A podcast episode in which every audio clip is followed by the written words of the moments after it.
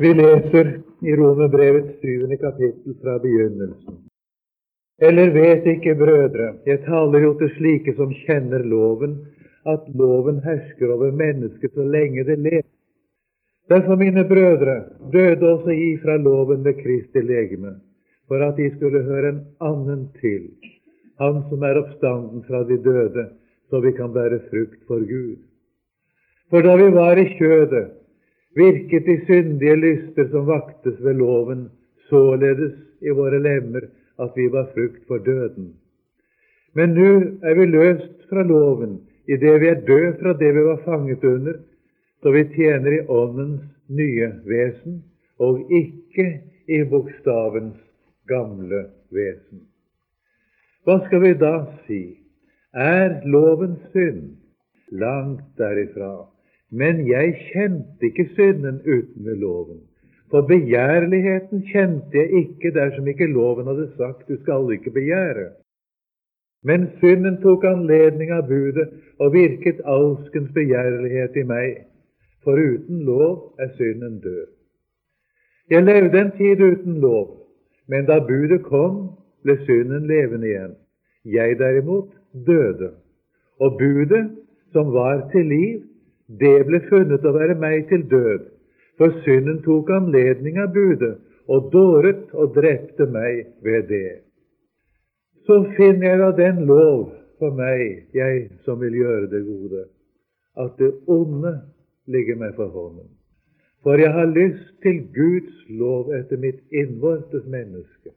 Men jeg ser en annen lov i mine lemmer som strider mot loven i mitt sinn og tar meg til fange under syndens lov, den som er i mine lemmer. Jeg, elendige menneske, hvem skal fri meg fra dette dødens legeme? Gud være takk ved Jesus Kristus, vår Herre. Så tjener jeg da Guds lov med mitt sinn, men syndens lov med mitt kjød. Amen. Det heter der at loven hersker over mennesket så lenge det lever. Hva betyr egentlig det? Jo, så lenge et menneske mener det kan gjøre noe efter loven, så lenge et menneske tror at det ved hjelp av Guds kraft kan holde budene og være slik som Gud vil, da hersker loven over det mennesket. Og da er det mennesket ikke under nåden, og da har det mennesket ikke syndenes forlatelse hos Gud. For at vi nå kan få lys over dette, må vi da stille det spørsmål hva er egentlig lov? Det korteste svar som Skriften gir, er at loven er åpenbaringen av Guds hellighet. Loven åpenbarer at Gud er hellig og ikke kan forlikes med synd. Loven åpenbarer at Gud ikke kan ta imot et menneske så lenge det er loven noe skyldig. Vi hører så sterkt tale om dette i og med loven ble gitt. De mennesker som ikke har holdt loven, de kommer under Guds dom og forbannelse. Og der er det intet håp for de menneskene. Så lenge et menneske står skyldig under loven, får han ingen tilgivelse hos Gud. Og dette må du ha klart for deg. Det er dette som blir så fortiet i forkynnelsen i dag. Og dette er grunnen til at så mange ikke kan forstå hva det er som gir et menneske syndernes forlatelse. Vi tror at det er vår synsbekjennelse som gir syndsforlatelse. Og vi tror at når et menneske bekjenner synder, så må det jo få tilgivelse hos Gud. For det står jo det at dersom vi bekjenner våre synder, er Han trofast og rettferdig, så Han forlater oss syndene og renser oss fra all urettferdighet. Og overser fullstendig at det ordet bare kan anvendes sammen med troen på Jesus, og at det egentlig er talt bare i forbindelse med troende mennesker. For å forstå dette skal vi se litt på Romerne 3, 19-20 et øyeblikk. For du skjønner, det er noe vi må ha klart her innen vi kan gå videre. Og det er forskjellen på å holde budene og å gjøre lovgjerninger. Men vi vet at alt det som loven sier, det taler den til den som har loven, for at hver munn skal lukkes, og hele verden bli, dvs. Si vise seg å være, skyldig for Gud. siden intet kjød ble rettferdiggjort for ham ved lovgjerninger. Og ved loven kommer syndens erkjennelse, eller erkjennelsen av hva synd er. Du hører her at menneskene kan gjøre lovgjerninger. Det forstår du av vers 20. Men du hører samtidig at Gud godtar ikke lovgjerningene. Han erklærer ikke noe menneske rettferdig på grunn av lovgjerninger. Om et menneske holdt alle bud, alle ti bud, menneskelig sett, og lot være å synde menneskelig sett, så ville ikke det hjelpe det mennesket det minste. Gud ville ikke godta det som oppfylles av loven. Intet kjød, dvs. Si intet menneske på jorden, blir erklært eller kjent rettferdig av Gud på grunn av lovgjerninger. Guds ord har aldri nektet at vi mennesker kan innrette vårt liv etter lovens bud og forbud menneskelig sett. Vi kan et stykke på vei gjøre hva loven krever menneskelig sett. Vi kan et stykke på vei la være å gjøre det som loven forbyr menneskelig sett. Og dette kaller av folk å gjøre Guds vilje. Det har ingenting med å gjøre Guds vilje å gjøre. Absolutt ingenting. Det er der feilen er i dag.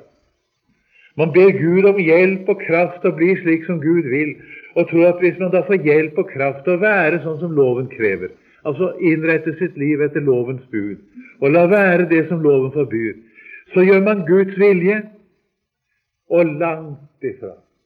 Det er det som er så farlig i dag. Og så er spørsmålet der ja, hva er lovgjerninger for noe, da? Og hva er forskjellen på dem og på å holde budene? Sett nå det at jeg har latt være å stjele. Har jeg da holdt det syvende bud? Ja, sier menneskene, det syvende bud sier jo du skal ikke stjele. Og når du har latt være å stjele, så må vel det være i orden? Da var det altså Jesus sa til meg, vel, når du da lar være å stjele. Men du gjør det altså ikke ut fra et sinn som elsker meg, og som elsker de neste som deg selv. Altså med andre ord når du lar være å stjele, så gjør du det ikke ut fra et syndfritt og fullkomment hjerte. Da har du gjort lovens gjerning hva det syvende bud angår, for så vidt som du lar være å stjele. Men du har ikke holdt budet. Det har du ikke. Forstår du forskjellen? Det som loven krever av oss, det er fullkommenhet og syndfrihet. Det krever loven positivt i disse to kjærlighetsbudene om å elske Gud og vår neste. Men det krever også negativt, som du ser av Romerne 7, og det står om begjæret. I det niende og det tiende bud står du skal ikke begjære. Og det er det nye som kommer inn. Det er ikke noen gjentagelse av de andre budene. Men du skal ikke begjære. Det vil si, du skal ikke ha lyst til å synde. Det er ikke nok med at det er synd å gjøre synd. Men om jeg lar være å gjøre synd, men bare har lyst til det, så er jo det synd. Selv om jeg aldri kunne tenke meg å sette den i verk. Så du ser det niende og det tiende bud. Du skal ikke begjære. Det krever også syndfrihet og fullkommenhet. Både positivt og negativt krever loven syndfrihet. Så lenge et menneske tror det kan gjøre noe som Gud kan godta, riktignok ikke av egen kraft, for det er jo ikke noe menneske som tror. Og jeg trodde jo heller ikke fariseerne. De tenkte jo aldri mulig at de skulle gjøre noe av egen kraft. Men de tror at hvis Gud gir oss kraft, så kan vi da holde budene og leve etter Guds vilje. Da ser ikke mennesket sannheten om seg selv. For det er det nemlig Romerbrevet 7. kapittel nå vil vise. Det er det som er umulig for loven. Da forstår du at å være under loven, det er det samme som å være i kjødet. Et slikt menneske har ingen syndenes forlatelse. Men fra det øyeblikk et menneske er i Kristus, er det ikke under loven, men under nåden. Det skjer i første øyeblikk et menneske omvender seg til Jesus.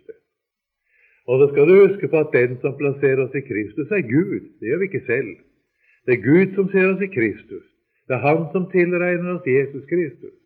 Og det skjer fra troens første øyeblikk. Og det som da skjer, er det som står i vers 4 der. Derfor mine brødre døde også ifra loven ved Kristi legeme, for at de skulle høre en annen til. Fra det øyeblikk vi tror på Jesus, hører vi Jesus til. Da vi dør vekk fra loven. Jeg er ikke under loven lenger så lenge jeg tror på Jesus. Og da har jeg syndenes forlatelse. For syndenes forlatelse er knyttet til Jesu Kristi fullbrakte verk, og ikke til noe som helst annet. Hvis et menneskes synsbekjennelse er av den art Nå tenker jeg på et menneske som ikke har vært en kristen. Er av den art at synsbekjennelsen fører ham til Jesus, og han må på grunn av den synd han bekjenner, ta sin tilflukt til Jesus som sin frelser, da får han syndernes forlatelse. Det er sikkert nok. Og det er det som er grunnen til at Johannes første brev 1.9 har vært et løsningsord for mange da de ble kristne. Fordi deres synsbekjennelse det var identisk som vi sier, med, ensbetydende med at disse menneskene de tok sin tilflukt til Jesus fordi de hadde mistet troen på seg selv. Da har de syndenes forlatelse i samme øyeblikk.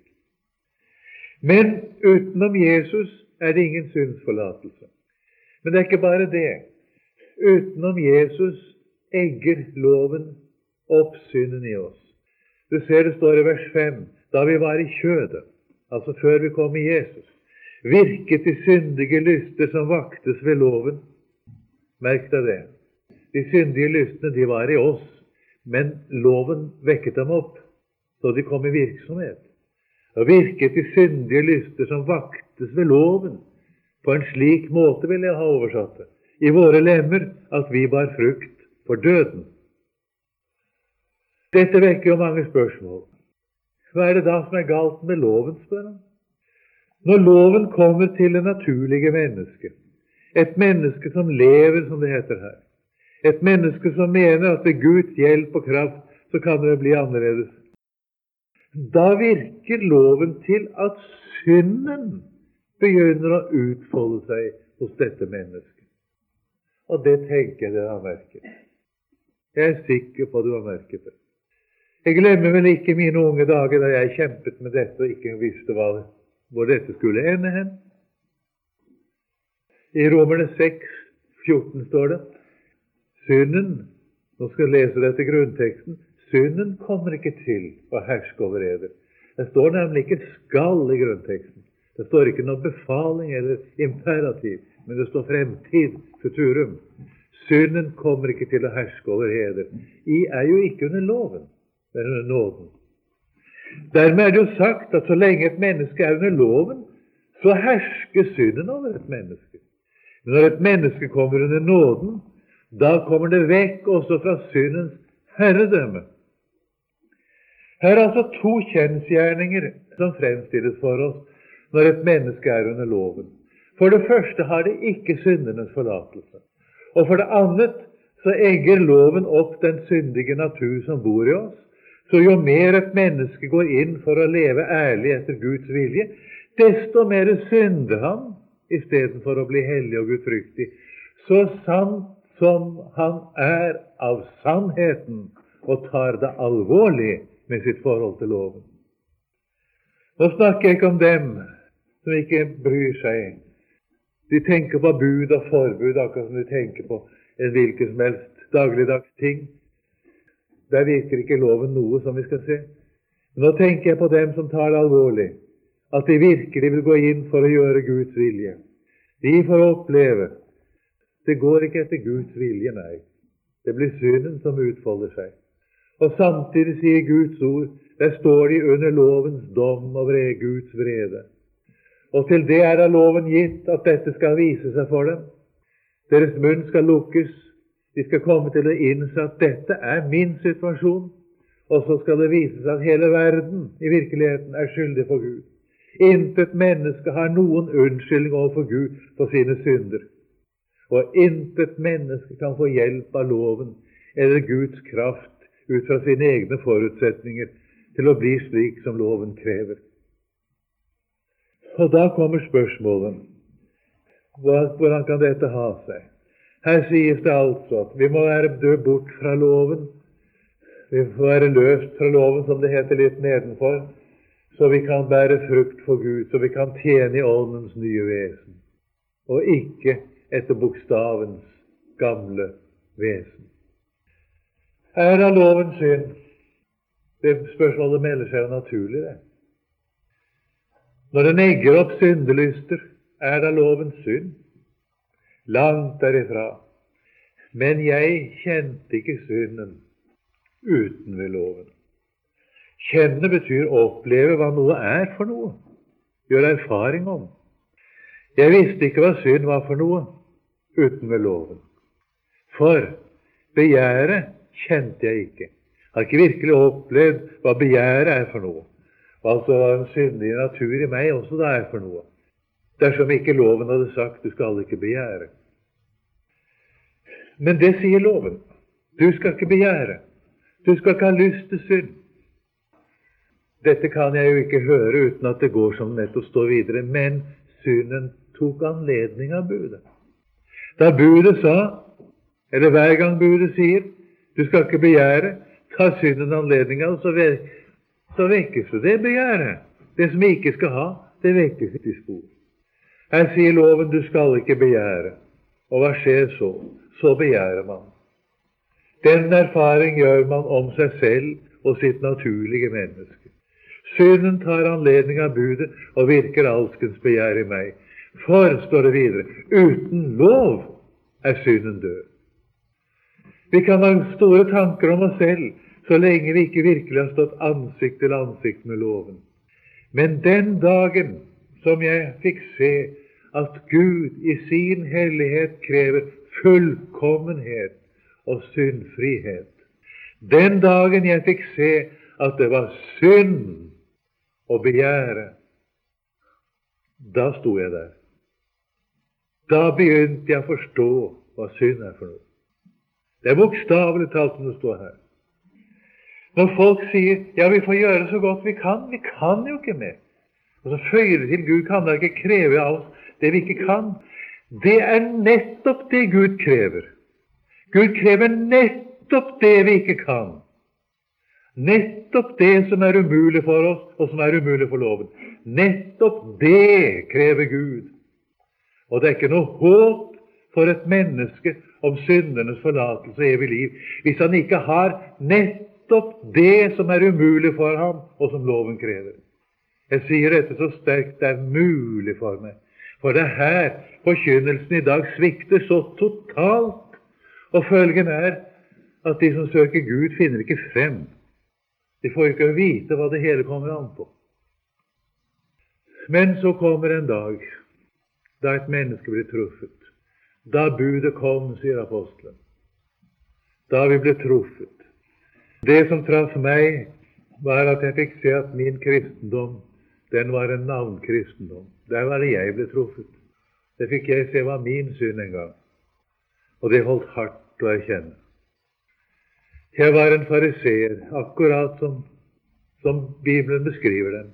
Jeg skjønte det ikke selv før jeg fikk se det. Da fikk jeg se meg selv, ja. Da var det slutt med alle tanker om hva jeg skulle være. Og da, vet dere, det var bare én ting. Det var å bøye seg og erkjenne sannheten. Og da gikk jeg inn for at nå skulle det bli annerledes. Nå skulle jeg ta det alvorlig. Nå måtte det bli noe helt nytt med meg i mitt forhold til Gud. Og så kom jeg under det som jeg kjempet så lenge med, vel altfor lenge i grunnen. I tre år omtrent. Jeg kjempet med loven under loven. Og da gikk det som det står her.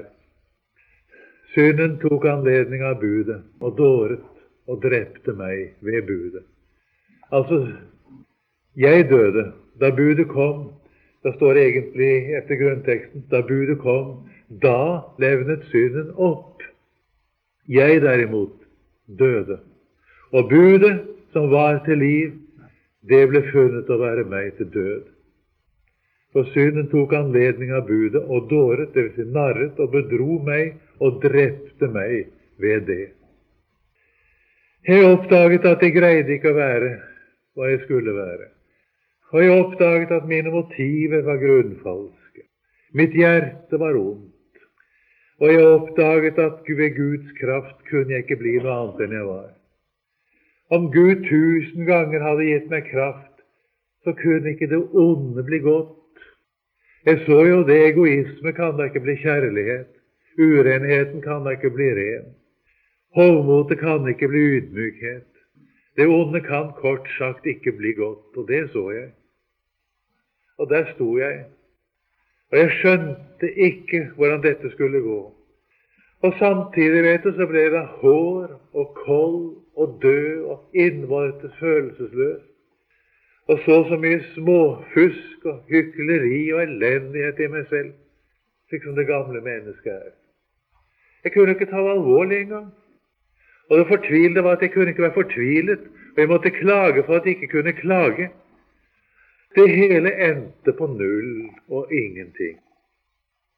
Det var da jeg første gangen fikk se at Jesus hadde frelst meg. Jeg husker godt da evangeliet gikk opp for meg da da jeg, da jeg trodde alt var forbi. Og Jeg vil bare føye til der at de erfaringene en gjør på denne måten, de gjør vi mange ganger om igjen og om igjen og om igjen etter at vi er blitt kristne. Før jeg nå går videre og ser på vers 14-25, så vil jeg da peke på hva er det da som gjør et menneske til et frelst menneske. Jo, du ser det kommer i Romerne 3,21, det, like etter det vi så på i vers 19-20. Her står det med nå, altså nå er tingenes tilstand den, at Guds rettferdighet, som loven og profetene vitner om, er åpenbart uten noen lov, står det egentlig i grunnteksten. Det vil si det at uten noen lov, det står foran med betoning i grunnteksten og det første verset. Uten noen lov er Guds rettferdighet, som loven og profetene vitner om, åpenbart. Hva er det for en rettferdighet loven og profetene vitner om, da? Jo, for å si det kort uten å gå inn på det nå for tidens skyld det er det jeg må være og eie for Gud for ikke å være loven noe skyldig. Så lenge som jeg er loven noe skyldig, får jeg som sagt ikke tilgivelse hos Gud. Men nå forkynner evangeliet at den rettferdighet som jeg må ha for Gud, den har Gud skjenket og gitt meg uten å stille noen betingelse om noe jeg må være eller oppfylle for å få den. Det er det som står i vers 21. Guds rettferdighet, som Luther sier, det betyr den rettferdighet som gjør oss rettferdige overfor Gud. Den rettferdighet som gjør at vi i Guds øyne overfor Ham, i Hans omdømme om oss, gjør at vi holder mål for Ham, den er det som er gitt uten noen lov. Altså åpenbart avslørt uten noen lov. Her er en rettferdighet som skjenkes og gis meg som en gave fra Gud. Det er ved troen på Jesus Kristus. Jeg eier den altså ikke før jeg tror.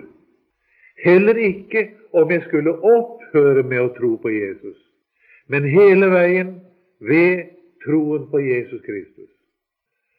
Og som vi har stanset for flere ganger i Romerbrevets fjerde kapittel, om du ser vers 6 og vers 8, så ser du hva det består i.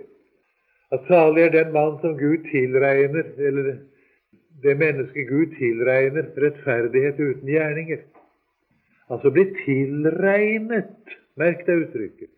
Den finnes ikke i oss, men Gud tilregner oss den. Og det gjør han uten gjerninger. Og i vers 8 salig er den mann som Herren ikke tilregner synd. Altså, vi blir tilregnet det som vi ikke er og har. Og så blir vi fraregnet det som vi er og har. Vi behøvde ikke å bli det fraregnet hvis vi ikke hadde det, men synden, den har vi. Den blir vi fraregnet. Og så blir vi tilregnet det som vi ikke har. Hadde vi hatt det, så behøvde vi ikke å bli tilregnet det. Og Dette betyr i virkeligheten vi blir tilregnet Jesus med alt det som han er og har gjort, og så blir vi fraregnet alt det som vi selv er og har gjort. Da er vi ikke loven noe skyldig lenger for Gud. Fra det øyeblikk et menneske omvender seg til Jesus, er han ikke loven lenger noe skyldig. Derfor har han syndenes forlatelse. Han har den ved Jesu blod, og han har den etter Guds nådes rikdom. Du forstår, vi har ikke syndernes forlatelse i relasjon til vår bekjennelse. Bekjenner vi våre synder og tar vår tilflukt til Jesus, så er vi, er vi kjent fri fra all vår synd. Og vi er tilregnet alt det som Jesus har gjort. Og du må huske på at det beror ikke på hvor mye du ser og forstår av dette, men det beror på om du tror på Jesus eller ikke. For at vi skal komme til troen på Jesus, derfor er det Gud vil vi skal miste troen på oss selv. Vi kommer ikke til troen på Jesus så lenge vi tror at vi kan bli noe ved Guds kraft. Og det er dette det taler i Romerne 7, 7-13, hvordan vi skal miste troen på oss selv. Jeg står der uten noe håp. Jeg døde. Da er det altså at hjertet begynner å få bruk for Jesus. Virkelig bruk for det som ordet forkynner om Jesus. Da skapes tilliten til Jesus i hjertet. Da kommer et menneske inn i Kristus. Det er Gud som plasserer oss i Kristus. Og da heter det, som det står altså i Romerne 8,2, da har livets ånds lov den tingenes tilstand at Jesus har kjøpt meg fri fra alle mine synder. Den tingenes tilstand, den har frigjort meg fra syndens og dødens lov. Men så kommer da vers 14-25 i Romerne 7, som vi nå skal se litt på. Her tales det nåtid. Og skal vi si kort hva det går ut på, så går det ut på at vi, etter at vi er blitt kristne, ikke kan få noen hjelp av loven til å leve som kristne. Loven gir oss ikke noen hjelp og kraft til å leve som kristne. Like lite som loven kunne gjøre meg rettferdig for Gud, like lite kan den hjelpe meg til å leve slik som jeg skal som kristen. Vi vet, sier apostelen, at loven er åndelig. Det vil si, den kan jo bare oppfylles med hjertet. Den kan da oppfylles ut fra et hjerte som er fullkomment og syndfritt. Jeg derimot er kjødelig. Og hva jeg gjør, det vet jeg ikke. Jeg skjønner meg ikke på meg selv. Jeg gjør ikke det som jeg vil, men det som jeg hater, det gjør jeg. Har du ikke merket det? Saken er den det er ikke fordi jeg vil gjøre dette, men jeg har en syndig natur som løper av med meg. Det er ikke mer jeg som gjør det, men synden som bor i meg. For jeg vet at i meg, det vil si i mitt kjød, bor intet godt. Men så ser du en annen lov i dine lemmer, som jeg ser i mine, som strider mot loven i vårt sinn strider mot denne lyst som Gud har født i oss, og som tar oss til fange under syndens og dødens lov. Så sant den altså får utfolde seg. Jeg elendige menneske, hvem skal utfri meg fra dette dødens legeme? Gud være takk ved Jesus Kristus, vår Herre. Og så kommer det en foreløpig konklusjon. Så tjener jeg Guds lov med mitt sinn. Det er født av Gud. Men syndens lov med mine lemmer, eller med mitt kjød. Altså det naturlige mennesket, det tjener ikke Gud. Men jeg kan tjene Guds lov med mitt sinn. Men da forstår du, når det gjelder helliggjørelsen, det vi skal være og gjøre og leve som kristne, det kan ikke skje ved at Gud skal hjelpe oss til å bli annerledes efter vår medfødte natur. Vår medfødte natur kan ikke bli hellig. Den er vi kjøpt fri fra og nå må du sette en strek under det da Gud være takk ved Jesus Kristus. Jesus har kjøpt deg fri fra det. Det har Rombrevet fortalt deg foran, og ikke minst i kapittel 6. Ditt gamle menneske ble korsfestet med Jesus der. Gud har for alle tider satt deg ut av betraktning om meg. Og du skal få lov å akte deg som død i forhold til dette gamle mennesket som aldri blir gudfryktig i deg. Og du skal få akte deg som levende for Gud i Jesus. Og på det grunnlag by deg frem for Gud som en som har blitt levende, av døde er blitt levende, og by dine lemmer frem som rettferdighetsvåpen for Gud. Og der vil jeg da få lov å stanse i dag. Jeg vet at her er så meget som kan sies, men jeg vil få lov å stanse her i dag. Kjære Jesus. Vi vil prøve på å takke deg for dette ordet.